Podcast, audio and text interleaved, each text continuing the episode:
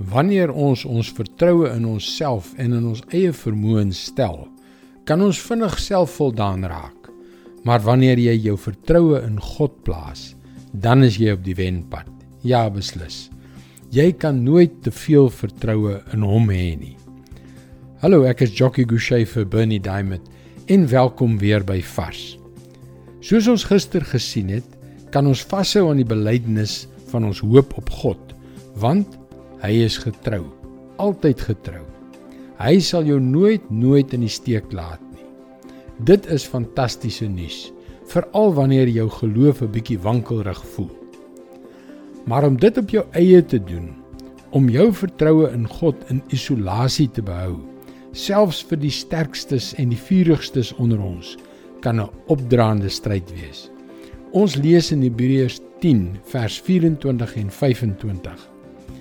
Laat ons styf vashou aan die hoop wat ons bely, want God is getrou. Hy doen wat hy beloof het. Laat ons ook na mekaar omsien deur mekaar aan te spoor tot liefde en goeie dade.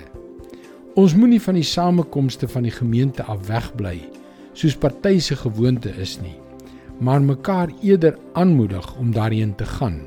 En dit des te meer na mate julle die oordeelsdag sien naderkom. Ons geloof, ons vertroue in God is soos 'n spier. Ons moet gereeld oefen om dit sterk te hou. Daarom is dit so 'n wonderlike gewoonte om saam met medegelowiges tyd deur te bring, mekaar lief te hê, mekaar te dien en gereeld saam te kuier. Maar om dit te versuim is die ergste gewoonte waarin jy moontlik kan verval.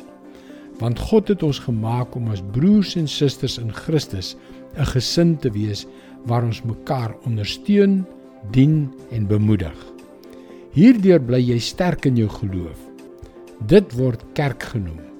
Alhoewel daar baie verskillende modelle van saamwees as die liggaam van Christus bestaan.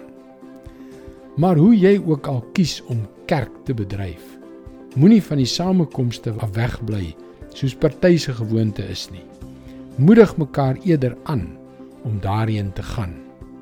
Dit is God se woord vars vir jou vandag. Ja, saamwees as geloofsgesin kan soms 'n uitdaging wees.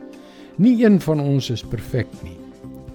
Bernie pak volgende week die baie belangrike onderwerp van gesinsverhoudings aan. Hy hanteer selfs die netelige onderwerp van egskeiding. Moet dit nie misloop nie. Luister weer môre op jou gunstelingstasie na nog 'n vars boodskap. Mooi loop. Tot môre.